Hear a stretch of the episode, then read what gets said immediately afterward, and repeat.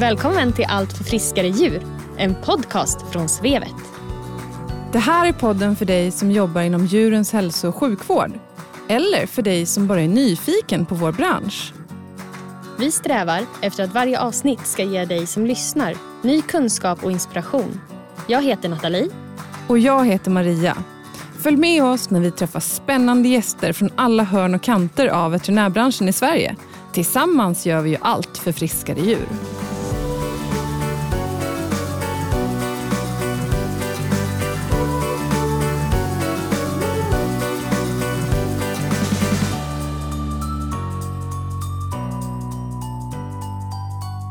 Hej allesammans där hemma i julstöket. Här kommer ett litet extra avsnitt ifrån Allt för friskare djur. Jag och Maria tyckte att vi är inte riktigt klara än, eller hur Maria? Nej, precis.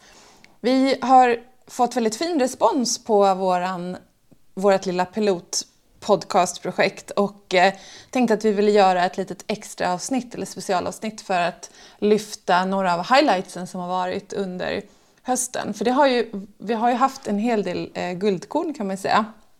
Vi tänkte att vi skulle göra en liten tillbakablick. Nu låter det som att vi har hållit på i flera år.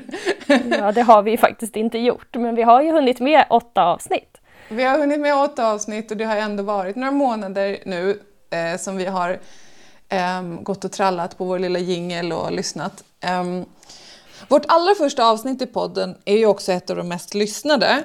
Um, det kan ju bero på att det är först så att fler har hunnit lyssna men jag tror ju mer att det beror på att det var ett väldigt intressant tema. Vi pratade om etologi och uh, beteendeutredningar och be behandling av beteendeproblem med Anja Törnqvist som är då veterinär och uh, um, har fördjupat sig inom etologi. Och uh, vi pratade mycket om psykofarmaka till husdjur.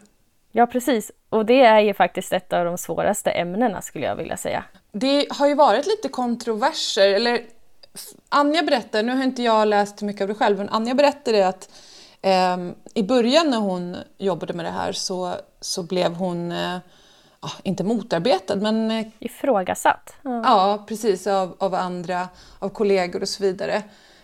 Um, vi kan väl göra så här att vi tar och lyssnar på ett eh, klipp med Anja för att eh, ni ska få höra lite vad vi, hur det lät och vad vi pratade om. Generellt sett så psykofarmaka är för mig ungefär, samma, ungefär motsvarande smärtlindring och antiinflammatorisk medicin är för en ortoped. Mm. Det vill säga det är någonting som man använder som ett viktigt verktyg och som ibland faktiskt kan vara en botande behandling eller göra att man lindrar så pass mycket att djuret kan leva ett långt och, och bra liv. Mm. Ehm, men att det inte är den enda åtgärden man kan göra eh, av olika skäl. Alltså lika lite som du kan behandla en jätteallvarlig ortopedisk skada med enbart NSAID-preparat. Du behöver fort, du, det kanske är så att du fortfarande måste liksom gå på rehab till exempel. Eller du behöver göra, och du behöver kanske fortfarande anpassa nu är jag verkligen ingen ortoped, men, mm. men jag tänker att man till exempel man, man, man håller inte på med massa cykelrastningar till exempel om du har en hund som har en skada på ett ligament. till mm. exempel. Mm. Så att det är fortfarande så att du behöver anpassa saker i, i liksom hantering och rutiner och miljö och så. Men det fortfarande kan vara en väldigt viktig del i behandlingen. Ja, hon lyfter ju verkligen det här om hur svårt det är att få ihop alla pusselbitar och att det inte bara handlar om en sak när det kommer till beteende. Precis, att det är liksom Lika lite som att man kan åtgärda då en, jag vet inte, en fraktur med eh, bara smärtlindring så kan man ju åtgärda ett beteendeproblem så att säga.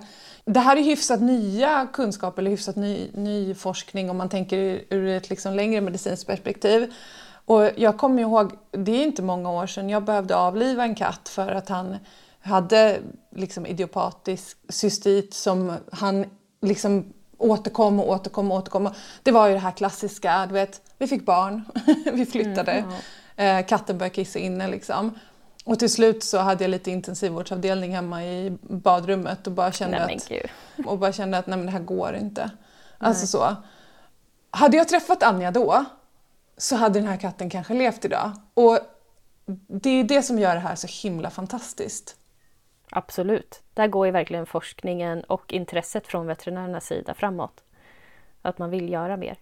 Ja, så att vi hoppas ju med det här avsnittet som vi har spelat in med Anja, som då är det första avsnittet i vår podcast, att eh, väcka det här intresset ytterligare. För man märker ju vilket stort intresse det finns eh, bland många fler. Liksom. Och att det har, det, har blivit, ja, det har blivit ett större intresse och det har blivit ett eh, folk har fått upp ögonen för det och vi hoppas ju såklart att ännu fler ska få upp ögonen. Ja, och sen det vart ju verkligen så eftersom vi gjorde ett till avsnitt med Elin mm. där vi fortsatte att prata om etologi där även Orion var med och sponsrade avsnittet eftersom de har produkter för just det ändamålet. Mm. Och det var ju för att vi hade fått så mycket respons på att folk tyckte det här med etologi är svårt och att det var intressant att vi tog upp det. Mm, precis. Elins avsnitt i nummer sju, det är också faktiskt att verkligen rekommendera för att hon gav jättemycket hands-on tips eh, för hur man kan göra klinikmiljön tryggare för djuren. Och eh, även Anja gav väldigt mycket hands-on tips på hur man kan gå tillväga i sin beteendeutredning och hur man kan medicinera och så vidare. Så är man inte intresserad av etologi så är de här två avsnitten verkligen um, att rekommendera, helt klart. Ja, och sen har vi nästa avsnitt som kanske ligger mig lite varmare om hjärtat och det är det med Anna Forsblom. Eh, och det kanske inte är bara för att jag har jobbat med henne utan jag är lite mer intresserad av intensivvård kanske. Och vilken tjej Anna är. Ja, verkligen. Alltså, hon är så härlig att både prata med och lyssna på och hon besitter så otroligt mycket kunskap. Eh, avsnitt tre då, som vi hade tillsammans med henne, det var ju ett av de mer lyssnade avsnitten också. Eh, och även Anna gav ju väldigt mycket hands-on tips och väldigt mycket bra liksom, eh, praktiska råd. Eh, men även väldigt intressant att eh, höra och ta del av hennes reflektioner kring det här med eh, etik. Verkligen, det är ju klurigt. Jag kommer aldrig glömma att vi hade en, en tetanuspatient uh, på ett ställe där jag arbetade som hade stora möjligheter att bli bra. Det var en primärt frisk patient som mm. hade trampat på någonting i ett stall där den var en hund. Fick tetanus, behövde sövas ner. Men jag fick faktiskt, jag och den veterinären i det teamet fick faktiskt stanna på sjukhuset eh, tre dygn i sträck för att Oj. ingen annan skulle, ingen annan ville att vi skulle fortsätta. Nej. Um, och det fick ju vi respektera. Mm. Men den vart ju bra och mm. överlevde. Mm. Det var ju en för övrigt frisk patient och jag tycker mm. en sån patient i mina ögon är mer rättfärdiga, mer intensivvård och vi har alla möjligheter att hjälpa den och det var svårt att förklara att den lider faktiskt inte när den är sövd. Nej, just. Övrig personal. Nej. Medan vi behandlar många, många leversviktspatienter och njursviktspatienter mm. som sitter och konstant mår illa, konstant ser lite ruggiga ut och som faktiskt aldrig kommer bli friska. Mm. Jag kan ju tycka att det är svårare med dem men av kultur har vi ju behandlat dem. Det går ju att ge dem ett bättre kvalitet på livet naturligtvis men jag tycker att man ska förstå, eh, försöka förstå och diskutera öppet på arbetsplatserna så att mm. hela teamet är med på vad man gör. Jag, jag tycker faktiskt Anna var väldigt modig här som vågar lyfta den här frågan och det är faktiskt ganska väsentligt om en patient har varit frisk innan och sen har varit med om någonting dramatiskt, något trauma som har skett. Och, eller om det är en patient som har haft en kronisk sjukdom sen innan och sen eh, kräver intensivvård. Eh, vilken av de patienterna man ska lägga mest resurser på faktiskt. Du har ju jobbat med intensivvård av smådjur. Jag har ju liksom aldrig gjort det. Um, upplevde du att det fanns liksom något tryck från um, kanske djurägare eller kollegor? Eller, liksom, hur resonerade ni kring det här liksom, um, där du jobbade? Ja, självklart så är det ju alltid ett tryck, både från djurägarna och från kollegor som kan ha olika åsikter. Men just precis som Anna nämner i avsnittet så är ju teamkänslan den absolut viktigaste. Att man har kommit överens i sitt team på intensivvårdsavdelningen om vad som ska gälla eh, och vilka gränser man har tillsammans. Jobbar man bara så så brukar det faktiskt fungera relativt smidigt. Sen har man ju alltid personliga åsikter och så vidare. Självklart så är det ju så. Men då är det viktigt att det är liksom högt i tak, att man känner att man kan prata med sina kollegor, att, att, de, att man blir lyssnad på oavsett vad man har för, för värderingar eller liksom känsla kring det. Ja, och någonting som Anna pratade väldigt varmt om eh, och som jag vet att hon jobbar stenhårt med, det är det här med vårdplaner. Eh, att man jobbar i teamen, att man i teamet har en vårdplan för varje enskild patient. När jag gick djursjukvårdarprogrammet som det heter då i Skara eh, och det är tio år sedan jag tog examen därifrån. Då pratade vi inte så mycket om vårdplaner som jag minns det. I alla fall inte på det här sättet som de gör nu på SLU 1 och på utbildningen. alltså när jag gick så var utbildningen tvåårig men sen blev den ju treårig precis året därpå och då kunde man eh, välja till, vi som hade gått två år kunde då välja att läsa kurser som ingick i det treåriga programmet som inte vi hade haft. Då läste jag en kurs som heter rehabilitering inom djuromvårdnad.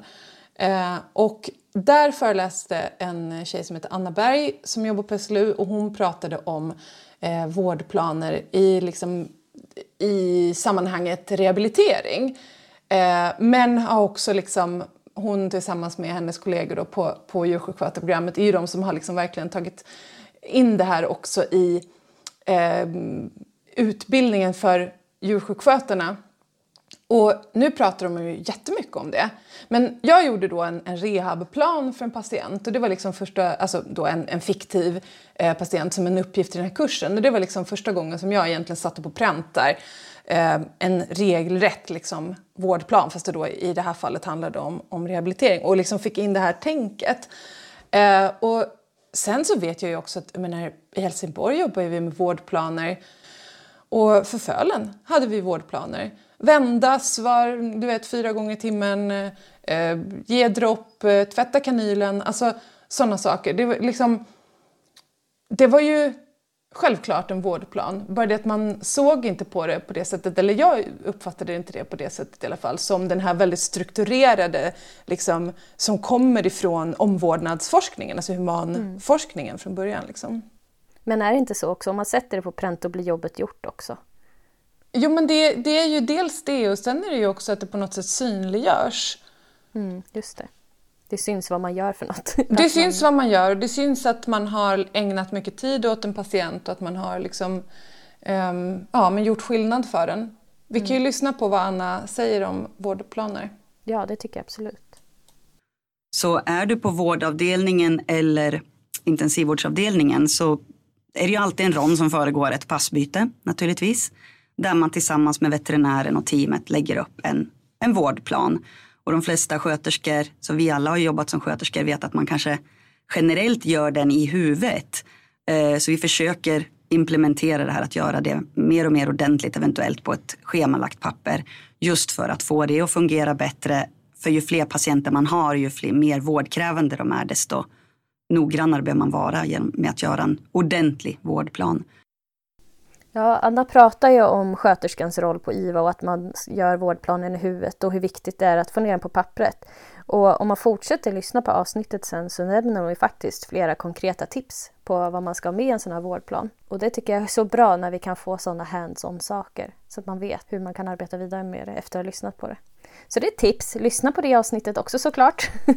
Vi tipsar om alla våra avsnitt, det vore konstigt annars. Men vill man ha konkret hjälp så finns det att lyssna på senare i det avsnittet. Mm.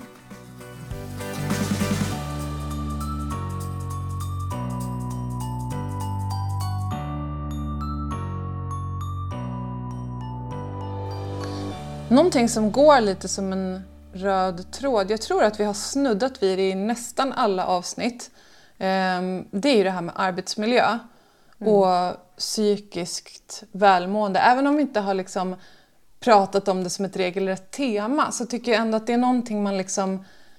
Det finns lite grann där i bakgrunden. Um, och i avsnitt fem uh, som vi gjorde så pratade vi med eh, Sara Molin som är veterinär och eh, jobbar på Alingsås djursjukhus och som också är träningsinfluencer och har en jättehärlig Instagram där hon lägger upp massor med inspirerande eh, inlägg om träning och hälsa och även bara tankar, reflektioner och en hel del också från sitt jobb, vilket är väldigt roligt. Och Saras avsnitt är också ett av de mer populära och det förstår man eh, varför när man lyssnar på det. Ja, och där vet jag ju att det har skapats en Facebook-tråd också där man har börjat prata om arbetsmiljö Eh, i djursjukvårdsbranschen efter att ha lyssnat på det här avsnittet. Så det är extra kul att vi kan vara med och skapa sådana diskussioner. De vill vi jättegärna bli inbjudna till. Ja, alltså sociala medier är ju verkligen en ventil för, eh, för många som jobbar inom branschen att liksom få pysa ut lite och även föra fram väldigt viktiga budskap. Jag läste ett inlägg om dagen från eh, en veterinär som jobbar på Rådabot hund och kattklinik skrev ett jätte, mycket delat och gillat inlägg. Just det, eh, det har hon också läst. Ja, essensen är liksom att hon är glad att hon eh, gick ut från SLUs utbildning för 23 år sedan och inte idag. Eh, för att de som ska gå ut nu ska kunna så mycket så fort och de har så stora förväntningar på sig själv och djurägarna har stora förväntningar på dem. Men framför allt att då fanns inte Facebook. Det låter lite Nej. så här, liksom skruvat nu när jag sa att det är tur att Facebook finns som en ventil men det kan ju också vara en väldigt stor källa till oro och stress därför att då, alltså som den här veterinären då från Råda bot hund och kattklinik skriver att eh, då framförde ägarna sin eventuella kritik till djursjukhuset. Chefsveterinären pratade med aktuell personal och sen åter med ägaren. Ibland möttes alla tre. Eh, nu finns Facebook med drev där människor som inte har med fallen att göra, som i bästa fall hört en sida av historien, eh, går igång utan en märkbar vilja att förstå. Drev som kan förstöra en kollegas lust till kliniskt arbete för lång tid, kanske för alltid. Alltså det är verkligen mm. ett, ett stort problem. Eh, och ett utbrett problem. Så sociala medier kan ju både vara en, en liksom, ventil och ett viktigt sätt att kunna sprida budskap eller som i Saras fall att kunna liksom ge inspiration och eh, tips till eh, många följare men också någonting som kan vara väldigt eh, som skapar stress? Verkligen. Ja, som skapar stor stress och, mm. och, eh, där folk har möjlighet att uttrycka liksom kritik på ett sätt som man aldrig skulle göra um, face to face på något sätt. Alltså folk kan vara så fruktansvärt uh, elaka i de här kommentarsfälten. Mm. Um, men jag tycker Sara gjorde en väldigt viktig poäng av det här med stress och uh, förväntningar. Uh, för pressen kommer från många olika håll och den kan komma från, som sagt, från djurägarnas förväntningar, från att man vill ta in alla, hjälpa alla och så vidare. Men en väldigt stor del av den stressen kommer ju faktiskt från en själv. Mm. Vi kan väl lyssna på vad hon säger. Alltså både den här pressen i att, att det är press från flera håll. Det kan vara press liksom från att nej men vi ska ta in alla som ringer, vi ska, inte, mm. vi ska inte säga nej till någon, vi ska inte säga att vi har fullt, vi ska mm. försöka ta emot ändå.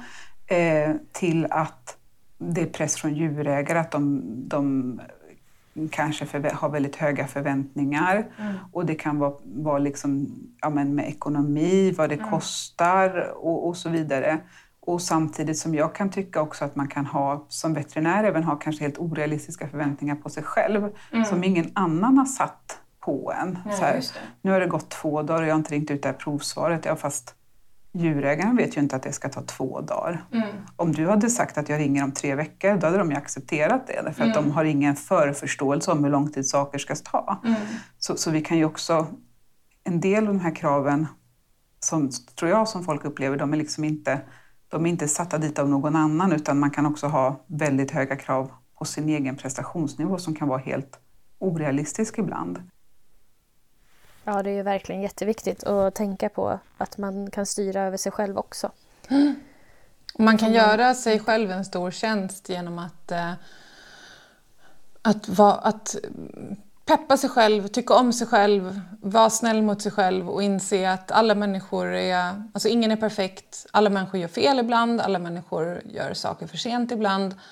Ja, att man gör sig själv den tjänsten att inte ha de här extremt höga förväntningarna på sig själv. För det är ingen annan som har det egentligen. Ja, och Sara har ju valt att hantera det här med hjälp av eh, fysisk aktivitet kan vi väl säga. Hon gör ju lite både dittan och dattan. Hon berättar även i podden om när hon behövde få ett litet break ifrån ett pass på jobbet som var väldigt tungt. Och hennes kollega sa åt henne att gå hem och vila men hon gick och körde intervaller i backar istället. Det är ett sätt att göra på, det skulle jag aldrig eh, ta till. Eh, men efter att ha lyssnat på henne och hur hon förenklar hela processen med att komma igång och röra sig fysiskt och rensa hjärnan på det sättet så känner jag ändå att ah, jag kanske skulle kunna göra det. Hon berättar ju, eller hon har ett exempel på när hon eh, skulle börja med det här med cykling. Hon berättar för sin man om att hon ska ut och cykla hela fyra mil. Det skulle jag aldrig komma på tanken. Men hon berättar om det och jag tycker att vi ska lyssna på det för det är så inspirerande. Så sa jag till honom så här, ah, du nu, nu ska jag ta en lång runda. Så här, ja, hur långt ska du cykla då? "Ah, jag ska cykla fyra mil. Och han bara, wow, ska du cykla så långt? Och jag bara, ja, och jag tror att det kommer ta en och en halv timme. Och han bara, shit, ska du cykla en och en halv timme? Och det var liksom, och jag kommer verkligen ihåg att jag tyckte så då. Men, men medan nu så skulle jag knappt ens byta, bry mig om att byta om för att gå ut och cykla kortare än så. Liksom. Det skulle kännas helt ovärt. Det var ju inte så när jag började träna att jag började träna tio timmar i veckan. Nej. Utan jag började ju med typ en kvart. Ja. Ehm, Så, så man flyttar ju liksom fram gränsen för vad som man tycker är normalt. Det är verkligen så himla sant. Alltså att det som känns som ett oöverstigligt berg eh, när man börjar med det. Man tänker att sådär, det där kommer jag aldrig hålla på med. Mm. Men hon började alltså, hon var jätteöverviktig, gjorde en sån gastric bypass och började en kvart varje dag och bara och det var inte ens varje dag, det var så några gånger i veckan. 15 minuter på typ en crosstrainer. Och så har hon gått liksom därifrån till den liksom superkvinnan hon är idag när det gäller liksom sporten och idrotten. Att hon, tio timmar i veckan tränar hon. Det är cykling, det är simning, det är styrketräning. Alltså hon är helt fenomenal. Ja, verkligen. Det är ett avsnitt med låg ribba men mot ett högt mål kan man väl säga. Sara pratar ju också en hel del om vår arbetssituation eh, och framförallt då veterinärernas arbetssituation. Vad som är de största problemen i branschen och hur man kanske löser dem. Ja, och hon pratar ju om det här med att arbeta jour. Och det vet jag. Jag har en kar som fortfarande jobbar och han jobbar jour. Eh, och hur knäckt man är för man hinner inte med det man ska och det tar på kroppen att jobba natttid. Eh, och jag tycker att hon hade ju faktiskt en lösning på det problemet som jag tycker är värt att lyfta. Så att vi kan väl lyssna på vad hon säger om det. Det är liksom antalet veterinärer och antalet kliniker som är för få. Eh, Så jag tror att man skulle kunna få en mera, mera hanterbar, alltså om du, om du till exempel gjorde jourpassen hälften så långa för att det var dubbelt så många som delade. Eller att man delade patienterna över liksom dubbelt så många ställen. Alltså, Eller så här va. Att, att det är egentligen den enda realistiska lösningen, som, eller det är den enda lösningen som jag kan se. Men den känns inte realistisk som det är nu för att det känns inte som att det är fler som vill jobba jour. Eh, och, och då kanske istället eh, alternativet blir att, att bara inse att man kan inte hjälpa alla. Liksom. Mm, där håller ju inte jag med Sara riktigt. Jag tycker absolut att det där är realistiskt och jag förstår inte varför ingen har tänkt på det innan. Att dela upp jouren så att det inte behöver vara så långa pass. Det är ju genialiskt. Det är supersmart. Det tycker jag att man ska fundera på. Hade du kunnat jobba jour på det sättet tror du? Hade du orkat det ifall du hade liksom, ifall passen hade varit kortare eller det hade varit längre tid mellan passen Om man säger? Ja, absolut. Självklart.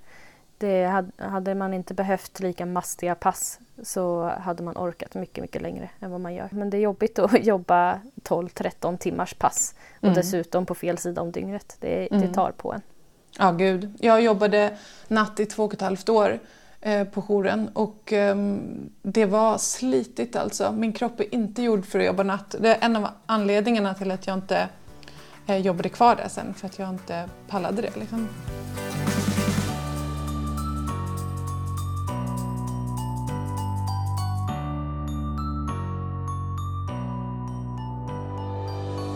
Det är ju ett stort och viktigt ämne det här med arbetsmiljö, inte bara på, med avseende på jourer utan även eh, generellt. Och några som är, vad ska man säga, lite extra utsatta, det är väl egentligen våra Eh, hästveterinärer. Eh, vi träffade, i avsnitt 6 pratade vi med Nina Lundgren eh, som är hästodontolog och veterinär och verksam i Skåne i sitt eh, företag Svenska Hästtandvården.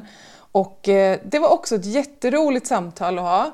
Eh, Nina är så himla härlig och sprudlande och pratglad liksom. Så det var, det var verkligen, man behövde verkligen inte dra ur henne någonting utan Nej, och sen har hon så mycket erfarenhet också. otroligt Hon mycket. har ju varit med om så mycket. Och som hon sa, man måste ju titta på hästarna. Nu jobbar hon med tänder. Eh, Man måste öppna munnarna för att lära sig. Och hon har också verkligen tagit ansvar för sin egen kunskap. Hon konstaterar att det är inte ehm, man blir långt ifrån fullärd liksom, på veterinärprogrammet. Det är mer som en introduktion eh, mm. och resten får man liksom ta ansvar för själv på något sätt och det har hon verkligen gjort. Verkligen. Men hon nämner ju också hur tungt arbetet är och att hon kanske inte kommer kunna jobba mer ända tills hon går i pension. Kan vi inte lyssna på vad hon säger? För jag tycker det var lite roligt. Men det är jobbigt. Det är tungt för kroppen och det är mycket stillasittande, vilket inte heller är bra. Och sen kan du få en ramlande häst över dig om du har otur. Mm. Eh, så det är mycket risker ehm, och det ska man ju ha klart för sig. Jag inser ju att jag kommer inte kunna jobba ända till pension med det här jobbet utan jag måste fundera över hur jag kan eh, dryga ut arbetet med mindre eh, kroppsansträngande uppgifter. Mm.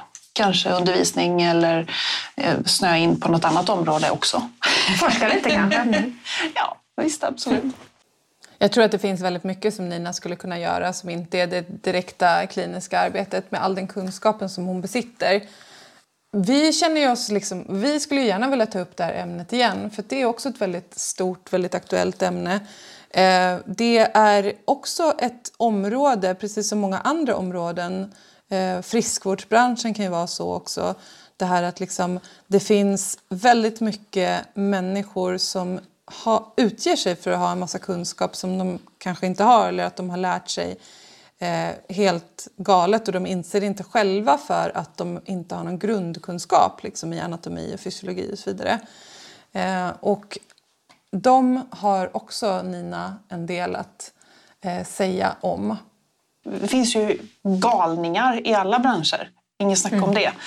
Ehm, men det finns utbildare som hävdar att man ska fortfarande eh, utöva vad man kallar för bit-seating eller eh, rostral profiling som det så fint heter. Det handlar om att man slipar ner första kindtänderna för att hästen inte ska kunna bita fast i bettet, vilket är ett ridbarhetsproblem för då går det ju inte att styra så bra. Mm. Och det här handlar alltså om att öppna hela, alltså du slipar bort så mycket du har lust med till tanden. Du öppnar inte pulpan, du orsakar pulpiter och till och med tanddöd. Och det, här, alltså det är fullkomligt obegripligt. Och sen så överraspar man tänderna, alltså raspar bort allting som är vasst eller buckligt. Ehm, och då pratar vi ändå om ett ganska sofistikerat system och det, det, är ju självslipande. Visst, det blir ju vasst igen efter några månader, men under de här månaderna så eh, mår inte hästen bra. Och det förkortar hästens liv. Ja, stackars hästar. Hur tänker människor ibland? Nej men det är ju så, har man inte några, de här grundkunskaperna som man har som, som veterinär eller djursjukskötare i vissa fall så då kan man ju heller inte avgöra. Man, man, man kan inte vara källkritisk om man inte har en slags eh, lägstanivå på sin egen kunskap. Um, för då vet man inte vad man ska vara källkritisk emot. Och kommer det då någon som utger sig för att vara en expert och säger att så här ska man göra. Mm. Då är ju människor benägna att lyssna på det ifall de inte har någon bakomliggande kunskap om det. Nina säger också det här att många av de här utbildningarna, nu pratar hon om amerikanska utbildningar, jag är säker på att det finns på andra ställen också, men hon pratar om att många av de här utbildningarna, där, där lär man sig mer om liksom att marknadsföra sig själv och tala för sin sak än vad man lär sig om själva mm. munhålan och tänderna. Vilket ju är väldigt fascinerande och skrämmande. Ja, och Nina ger ju en hel del tips på vad det är man ska leta efter. Framförallt som djurägare kanske, men när man behöver få sin häst undersökt i munhålan. Eh, och vilka man ska passa sig för rent kraskt. Eh, beroende på vad de har för utbildning eller vad de får göra. Så jag tycker man ska lyssna på avsnittet för att ta reda på det. Men sen var det en hel del som vi inte hann prata klart om. Bland annat bett och trends. Det känns som att där finns det en hel värld att prata om. Det sa hon själv i avsnittet. Nej, precis. Det, det är verkligen ett ämne som vi skulle kunna ta upp igen och bara ägna ett helt avsnitt om nästan. Eh, bara bett och trends, eller utrustning för den delen. Och där är ju, där är ju fler eh, saker som vi skulle kunna prata mer om. Bland annat det här om att, eh, för Nina letar ju efter en hel del eh, av sin kunskap och, och hon går kurser och så vidare och i, på humansidan. Alltså hon går på tandläkarkongresser och, eh, och menar att det finns en hel del där, särskilt kanske för de som jobbar med smådjurstandvård. Men, men eh, även hon kan finna liksom inspiration eh, på humansidan och det har jag tänkt på kanske är någonting för fler områden i vår i veterinärbranschen att liksom ta över ett eh, och applicera. Jag kommer ihåg på Vetadagarna förra året så var det en eh, på djursjukskötarprogrammet där så var det en sjuksköterska som hade en masterexamen i omvårdnadskunskap som kom och pratade om liksom, omvårdnad och det var jätteinspirerande och, och intressant att lyssna på det ur, från hennes perspektiv. Liksom. Eh, så har ni, nå, ni som lyssnar något tips på någon som från humansidan som skulle kunna vara intressant att ta in och ha någonting vettigt att säga till oss så hade det varit jättespännande och roligt faktiskt. Ja, verkligen. Då får ni jättegärna mejla in det på podcastet.svevet.se så tar vi det till oss. För det är väl ändå så att vi skulle kunna avslöja att det är färdigt nu va? Det blir en säsong två. Ja, det blir en säsong två. Nu applåderar vi ut i stugorna. Ja, woho! säger vi allesammans. Vi får fortsätta att göra en till säsong och vi har en plan på väldigt många intressanta gäster som vi kommer att bjuda in. Men vi tar fortfarande jättegärna emot alla möjliga tips. Precis. Och exakta datum och sådär för släpp är inte helt färdigt än. Eh, men det blir under våren i alla fall.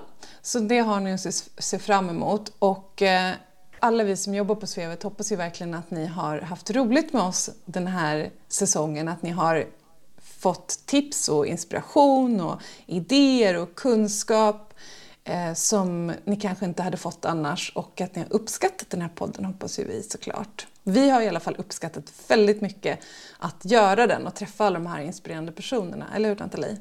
Ja men verkligen. Det har varit superkul att få göra den här grejen. Och vi vill ju passa på att önska alla en riktigt god jul. Och sen vill vi passa på att tacka alla som har varit med och gjort podden. Våra gäster självklart. Vår ansvariga utgivare Caroline. Vår VD Peter för att du hoppade på tåget när vi kom med idén. Svevets styrelse som står bakom oss våra sponsorer. Jag vill tacka dig Maria, men sist och absolut inte minst så vill vi självklart tacka alla våra härliga lyssnare och för all feedback vi får. Tack och tack till dig också Nathalie såklart. Och följ oss på sociala medier. Där heter vi kort och gott Svevet. Och vår mejladress är som alltid podcast.svevet.se. Som sagt, god jul, gott nytt år. Glöm inte att prenumerera i din podcast-app.